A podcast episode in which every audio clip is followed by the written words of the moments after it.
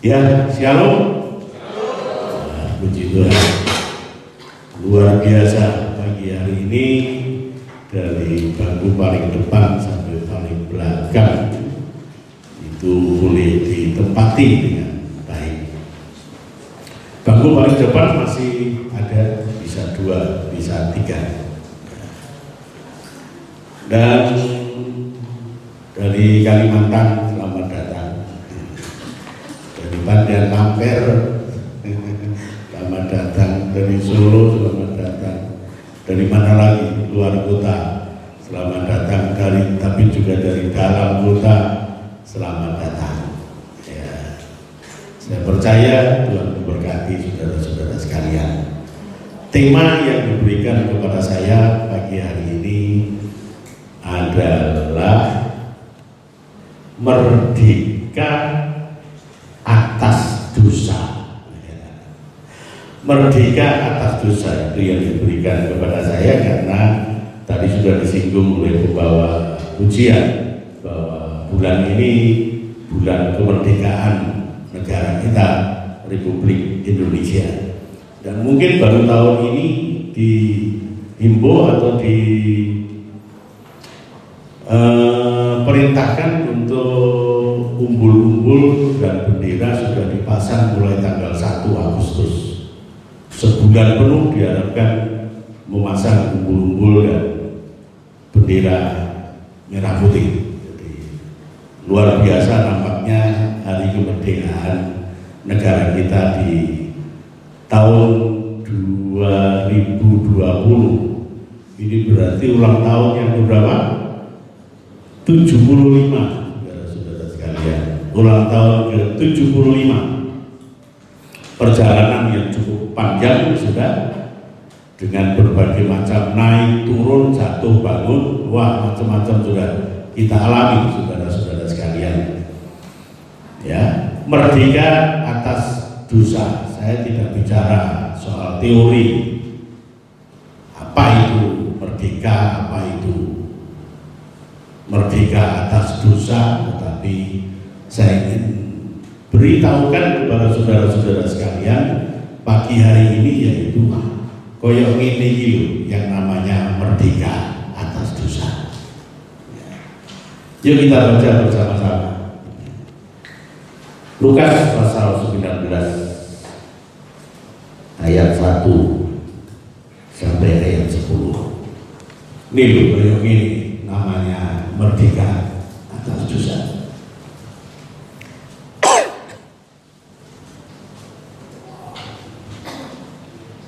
Lukas pasal 19 ayat 1 sampai ayat 10.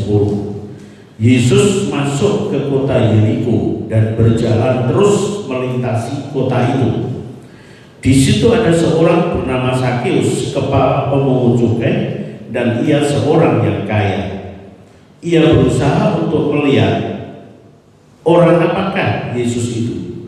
Tetapi ia tidak berhasil karena orang banyak. Maka berlarilah ia mendahului orang banyak lalu memanjat pohon ara untuk melihat Yesus yang akan lewat di situ. Ketika Yesus sampai ke tempat itu, ia melihat ke atas dan berkata, Sakeus, turunlah, segeralah turun, sebab hari ini aku harus menumpang di rumahmu. Lalu Sakeus segera turun dan menerima Yesus dengan sukacita. Tetapi semua orang yang melihat hal itu bersungut-sungut katanya, ia menumpang di rumah orang berdosa. Tetapi Sakeus berdiri. Nah, sudah. Tetapi Sakeus berdiri dan berkata kepada Tuhan, Tuhan setengah dari milikku akan diberikan kepada orang ber, orang miskin dan sekiranya ada sesuatu yang kuperas dari seseorang akan kukembalikan empat kali lipat. Ayat 9 kata Yesus kepadanya, hari ini telah terjadi keselamatan kepada rumah ini karena orang ini pun anak Abraham. Terakhir, sebab anak manusia datang untuk mencari dan menyelamatkan yang hilang. Amin. Nah, saudara-saudara sekalian yang dikasih, ini sebuah perjumpaan, perjumpaan antara Sakius dan Tuhan Yesus. Dan ternyata perjumpaan antara Sakius dengan Tuhan Yesus membawa sebuah perubahan yang luar biasa. Ya. Membawa perubahan yang luar biasa. Itu inti daripada kisah tentang Sakius. Sakyus ketemu ingin melihat Yesus. Sakyus diterima oleh Yesus. Sakyus menerima Yesus. Terjadi sebuah pro perubahan. Padahal tadinya Sakyus itu sebetulnya nggak pengen nggak pengen terima Yesus. Pengennya cuma cuma melihat. Sopo Yesus itu ya. Siapa tuh Yesus itu? Rupanya seperti apa tuh Yesus? Kira-kira seperti itu keinginan daripada daripada Sakyus ternyata apa yang diinginkan dia dapatkan lebih daripada daripada itu. Saudara-saudara sekalian ya. Nah saudara ingin tahu Sakyus itu artinya apa tuh saudara? Sakyus artinya kudus suci baik itu nama dari Sakyus artinya orang baik, orang suci, orang kudus itu Sakyus. Tetapi kalau kita membaca firman Allah tadi dan mengerti tentang siapa Sakyus, wah ternyata hidupnya cukup amburadul saudara-saudara sekalian. Hidupnya gak kudus, hidupnya gak suci, hidupnya gak baik. Seringkali saudara-saudara sekalian orang punya nama, namanya bagus, namanya baik, uripe orang karu, orang karu karuan saudara-saudara sekalian. Namanya Sugeng Rahayu. Wes Sugeng Rahayu bisa, tapi bulan balik nabrak duit saudara-saudara. Bulan balik nabrak rumah saudara-saudara. Karena Sugeng Rahayu itu namanya apa? Bis Orang cocok kalau jenengi saudara-saudara. Sampai pernah satu kali waktu ini gak ngeleng-ngeleng enggak, tapi kenyataan saudara-saudara. Satu kali waktu saya mau pergi dari Bandung ke Solo, saudara-saudara. Wah, orang-orang nawarin saya, yang ditawarin, eh, bagus mobilnya pak, mobil apa? Sugeng Rahayu, langsung saya mundur saudara-saudara. Jadi rasanya di perasaan, di pikiran itu sudah terbayang Ukraina. Ya. Kadang-kadang nama yang cocok dengan artinya. Jenenge sabar. Pak Sopo, Pak sabar. Bendino saudara-saudara. Ngamukan wong, jenenge apa? Pak sabar. Waduh, kalau jenenge Joko ya. siapa namanya Joko sekikapi loro sih si Joko saudara-saudara sekalian. Ya kadang-kadang nama itu gak cocok dengan apa yang di yang dilakukan. Sama seperti Sakius saudara-saudara. Tapi pendeta biasanya kalau ngasih nama itu mikir dulu kalau mau baptis seseorang gitu. mau baptis Pak Marno wong berburu waduh iki bagus Marmo itu ora ora gampang ya saiki sing luwih gampang sing luwih cilik timbang aku ada biyen luwih gede timbang aku saudara-saudara sekalian. Mikir kayak jeneng sapa ya. Pak Marmo Paulus saja ya. Kenapa Paulus kan pikir ben dadi Pak Paulus? Puji Tuhan sampai hari ini jadi Paulus. Sampai nah cocok kalau je kalau jernih saudara-saudara. Tapi Sakeus nggak cocok sama namanya. Kudus suci orang baik, tapi pekerjaannya hampir tiap hari meresuh diperes duite dan yang diperes duite itu itu bangsanya dewi orang-orang Yahudi. Karena pekerjaan dari para Sakius bukan sekedar memungut cukai bukan sekedar tukang pajak tapi dia kepala tukang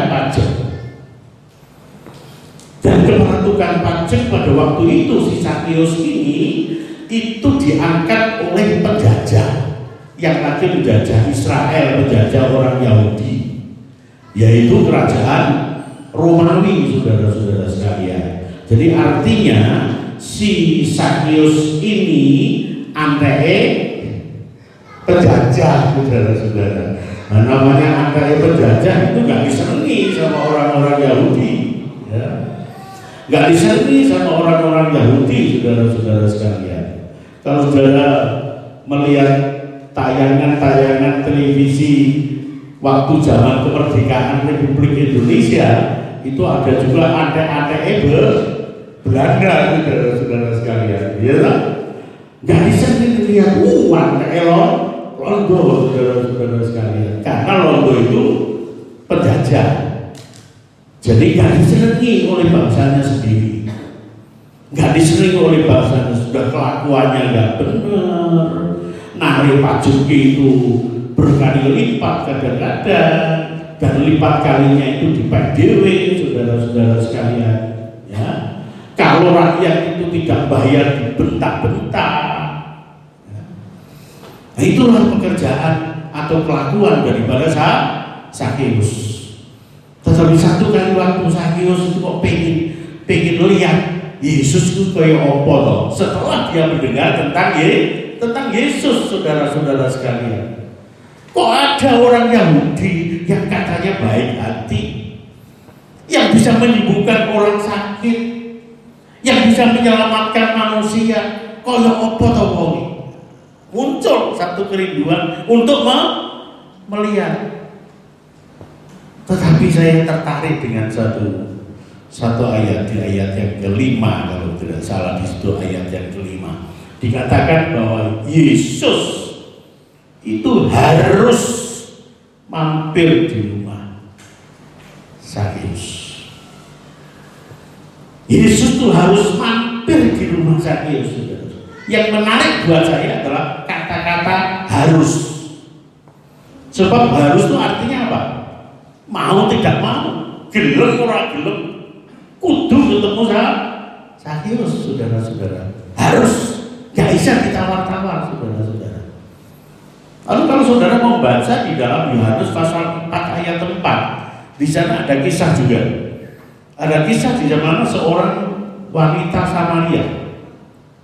Seorang wanita Samaria yang berdosa dan satu kali waktu dia ambil air di air di sumur, saudara-saudara sekalian. Siang-siang begitu. Eh pada waktu pada waktu ngambil air ketemu sama Yesus ketemu sama Yesus. Yesus yang sama saudara-saudara ketemu sama wanita wanita Samaria ini yang akhirnya apa?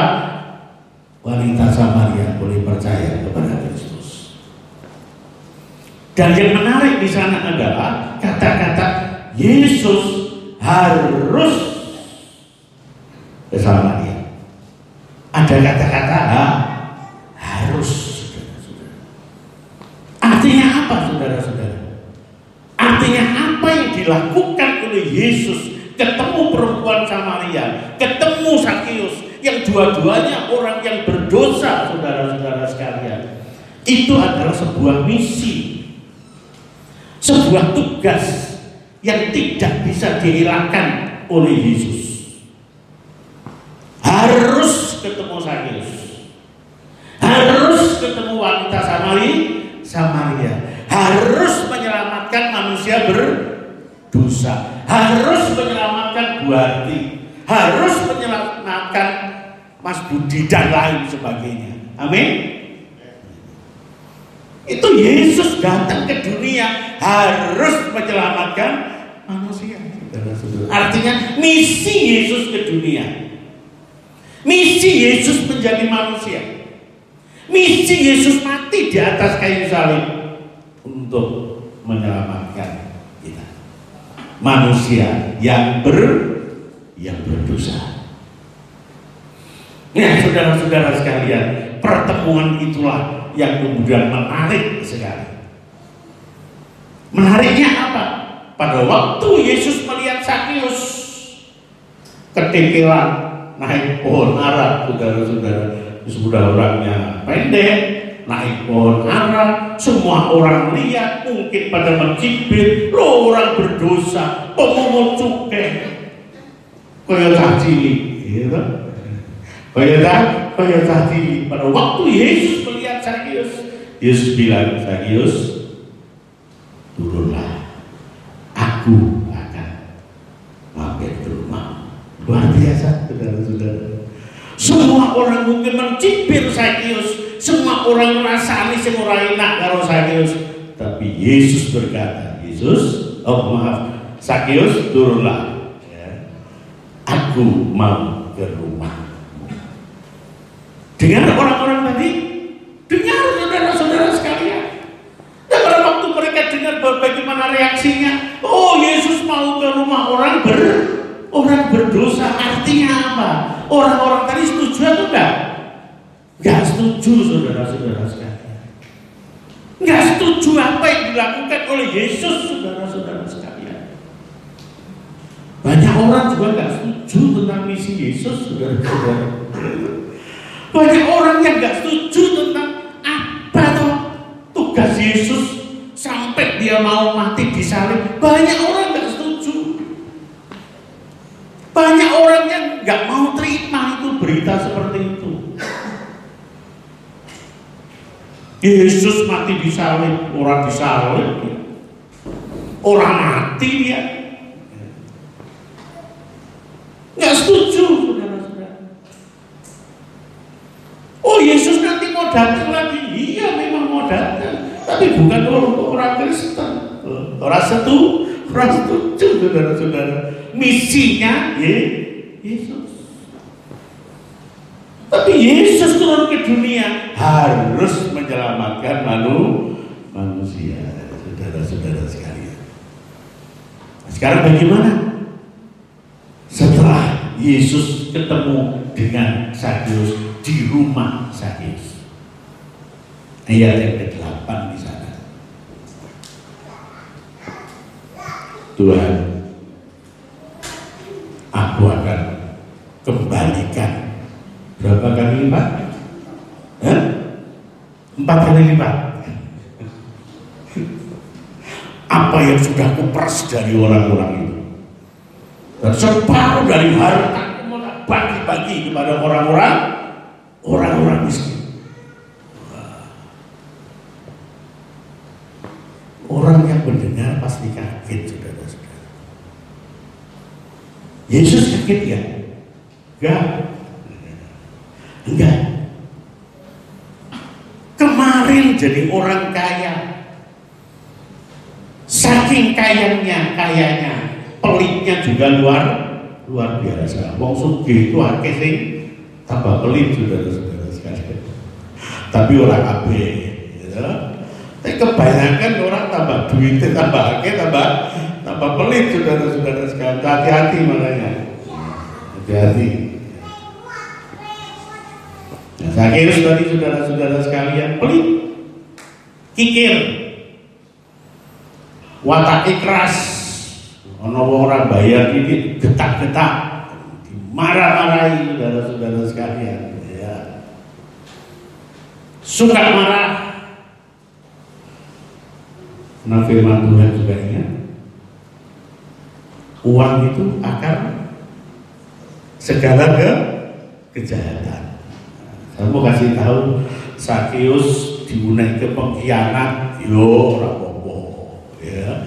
Sakius ora disenengi, yo ora apa Kenapa saudara-saudara sekalian? Karena duit. Ya. Karena duit. Karena uang. Artinya Sakius ini sudah terikat dengan duit. Duit ini yang mengikat Sakius. Mungkin dari sononya dulu Sakius itu orangnya sabar.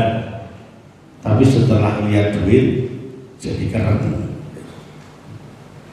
Mungkin dulu pernah dididik Sakius ini untuk baik hati sama orang. Tapi setelah dia lihat duit nggak baik hati sama orang. Dulu dia dapat pelajaran saudara-saudara sekalian. Kasihlah sesama manu, manusia. Tapi setelah lihat duit menjadi jahat.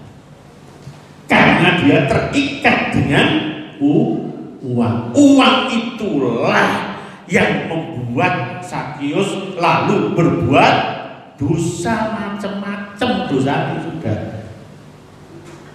Jadi kalau saudara punya uang, itu bukan lalu saudara dikatakan berdosa karena punya uang, bukan saudara-saudara.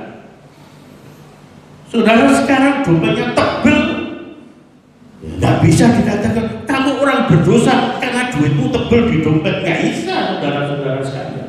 Semua kita butuh uang, tapi kalau manusia sudah terikat dengan uang, lalu uang menjadi satu dasar untuk melakukan segala sesuatu yang tidak betul, nah itu baru uang ini menjadi menjadi apa? Akar dari dari dosa, akar dari kejahat, kejahatan. Orang ngamen lewat, karena dia terikat dengan uang.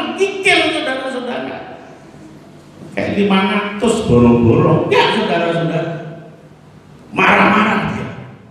Wis suara melek. Ojo ini. Jadi orang yang orang yang kasar, saudara-saudara. Orang datang cari sumbangan, saudara. Ngerti kalau orang kaya, orang kaya. Tulis. Awas ada anjing gak, anjing galak. Atau sebelah kanan ditulis hari ini tidak terima sumbangan atau tidak memberi sumbangan. Hari ini. Nah kapan memberi sumbangan? Besok? Besok datangi lagi tetap tulisannya hari ini tidak memberi sumbangan. Ya? karena karena uang. Jadi Sakius menjadi orang yang tidak disenangi gara-gara uang. Terikat dengan uang. Karena pekerjaannya di situ kemudian terikat di situ merubah kehidupan Sakius merubah karakter Sakius yang mungkin tadinya karakternya baik menjadi tidak baik. Yang dulu dididik baik menjadi tidak baik yang namanya Sakius suci kudus baik ternyata kelakuannya tidak tidak baik tapi ayat yang ke-8 Sakyus berkata, aku akan kembalikan. Bahkan separuh dari hartaku akan kubagi-bagi nanti semua. Nah saudara-saudara sekalian, ada apa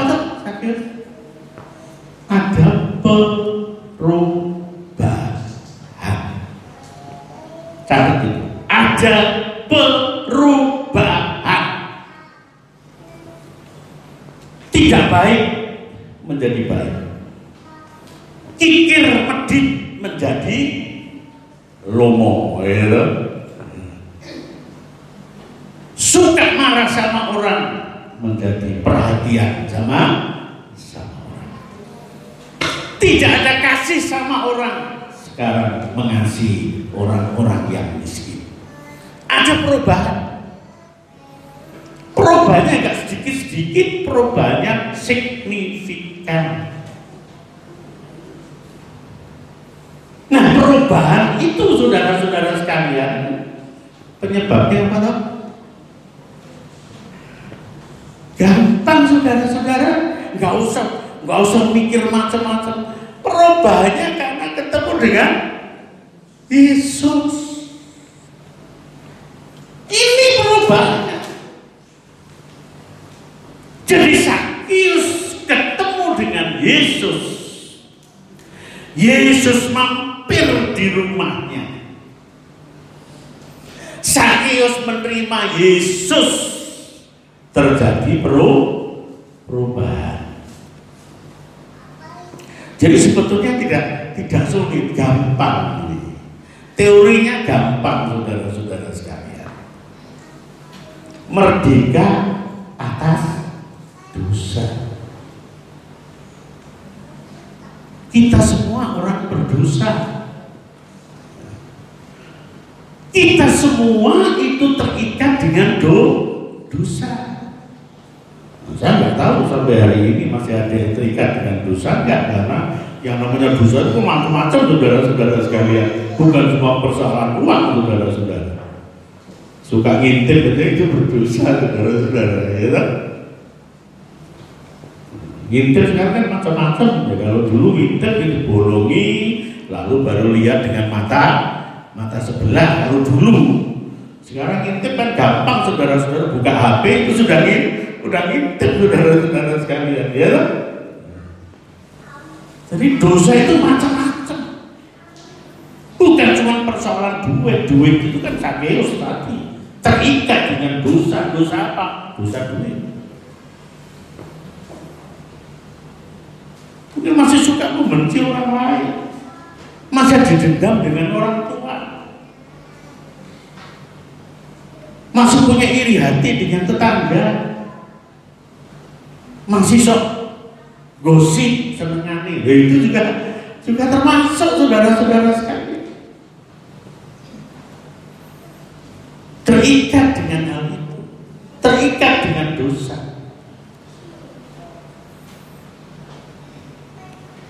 Tentu ini nggak boleh dibiarkan terus. Karena kalau itu terjadi, dosa itu kan akan membawa ke mana saudara? Firman Tuhan katakan apa? Maut dia. Maut.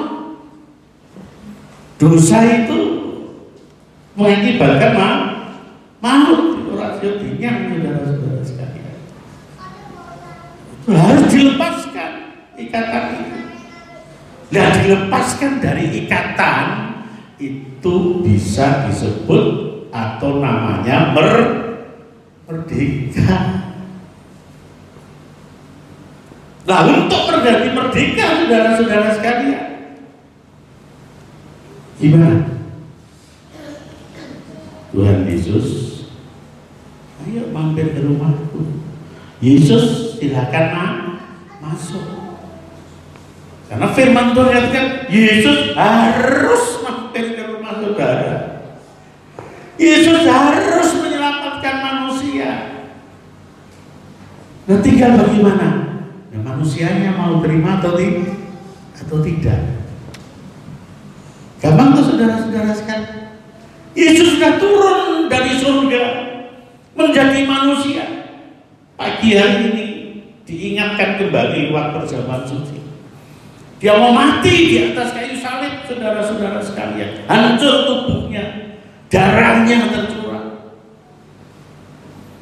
Mau kita menerima Yesus. Dan waktu engkau menerima Yesus, di situlah pertemuan terjadi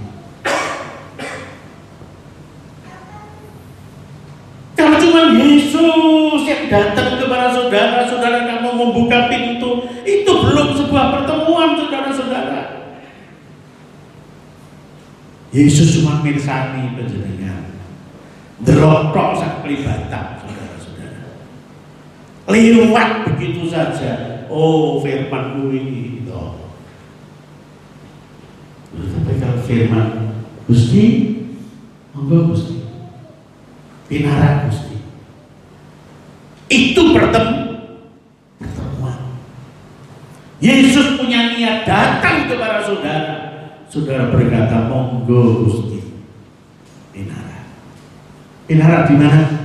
Di hati saya. Yesus roh, roh, roh, roh, roh, roh. Tinggal apa kita? Membukakan pintu, membukakan pintu membukakan pintu buat Yesus, membuka hati buat Yesus.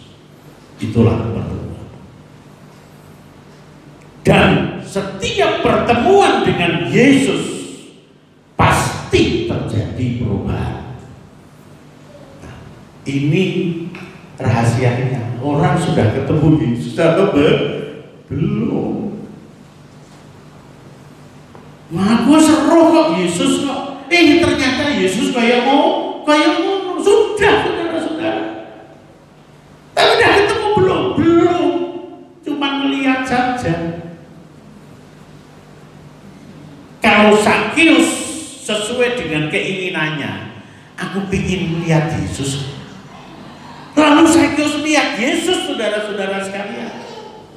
Lihat Yesus yang gondrong itu, saudara-saudara sekalian. Ada perubahan? Nggak ada. Belum ada perubahan, saudara-saudara. Dan begitu Yesus diterima di rumah Sakyus. Sakyus berkata, monggo Gusti, binarang Gusti. Di situ ada perubahan. Amin. Pertanyaannya pagi hari ini. Saudara sudah ketemu Yesus atau belum? Siapa yang kita ketemu Yesus? Ketemu Yesus. Yesus datang ke rumah saudara dan saudara mau menerima Yesus di dalam hati saudara. Itu pertemuan antara Yesus dengan saudara, saudara dengan Yesus. Dan Yesus gak mau ngotot untuk masuk di dalam hati saudara. Karena Yesus memberi hak kebebasan untuk setiap orang. Yesus mengetuk pintu tiap-tiap hari kebebasan buat saudara. Arab buka pintu Allah, Tapi ingat saudara, tiap-tiap hari Yesus pinginnya ketemu kita. Yesus tiap-tiap hari ingin ketemu kita. Dan pada waktu kita membukakan, kita terima Yesus, pasti ada perubahan. Itulah yang namanya merdeka. Jadi merdeka itu pasti ada perubahan. Saya itu merdeka 75 tahun Wah, seenak zaman Pak Harto ya. Mending saudara-saudara. Oh, seenak se zaman Londo ya. Iya Loh kalau kita ini merdeka, kita mesti berubah. Mesti terjadi perubahan. Nah, manusia kan seringnya gitu. Sama dengan orang-orang Israel. Terus bijaknya berang sungai apa laut saudara-saudara sekalian. Fir'aun mau nangkep nggak bisa karena kena air laut. Eh sudah jalan gitu. Seenak ya urip nang Mesir biar ya. Sering kali manusia seperti itu. Dan tanpa sadar jangan-jangan ada kita yang senangnya seperti itu sing tak biyen ya aku opo ono sing ngeloki eh saiki baru lirak-lirik tekani karo Pak Pendeta. Ora enak urip saiki. Saudara-saudara sekalian kita sekarang sudah merdeka. Dan orang yang merdeka itu pasti ada perubahan. Perubahannya di mana? Di hati, pikiran dan tindak. Tindakan itu berubah. Hatinya, pikirannya, aku saiki wis merdeka.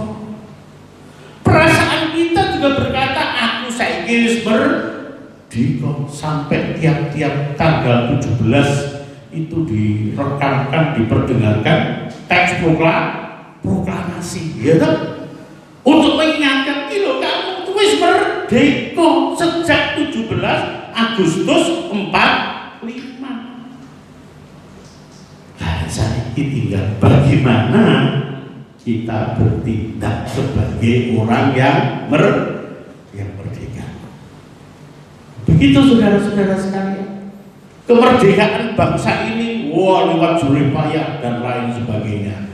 Puji Tuhan, kemerdekaan kita adalah anu anugerah. Amin. Kemerdekaan kita adalah anugerah. Bukan karena perbuatan kita, bukan karena usaha kita. Walaupun Tuhan tetap menuntut usaha kita. Menuntut usaha kita untuk apa? Ya tadi untuk berubah. Tadinya ngamuan sekarang sabar. Nah, itu kan kita yang mesti berperang melawan kemauan kita ya gak betul. Dulu suka ngapusi, sekarang suka memberi. Perubahan itu merubah kita, tapi juga Tuhan memberi kepada kita untuk kita melakukan dengan segala usaha jerih payah kita saudara-saudara sekalian. Jadi gak otomatis berubah kayak cetek tanpa cetek tombol saudara-saudara sekalian.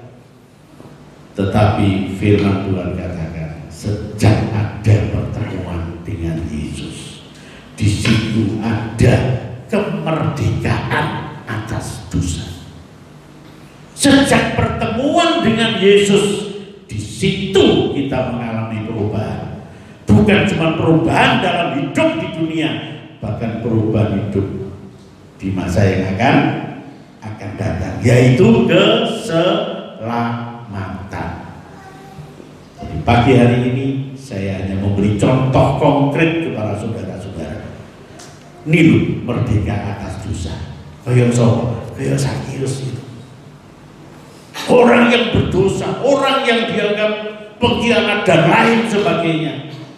Tapi pada waktu ada pertemuan dengan Yesus, terjadi perubahan. Hidup kita adalah hidup yang sudah ketemu dengan Yesus.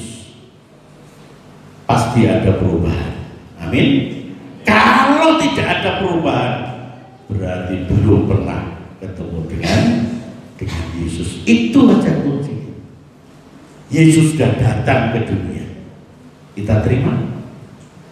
Yesus datang kepada saudara, saudara terima. Dan kalau saudara saudara sudah terima, saudara jadi orang-orang merdeka. Dan kalau saudara jadi orang-orang merdeka, pasti terjadi perubahan. Amin. Tuhan memberkati.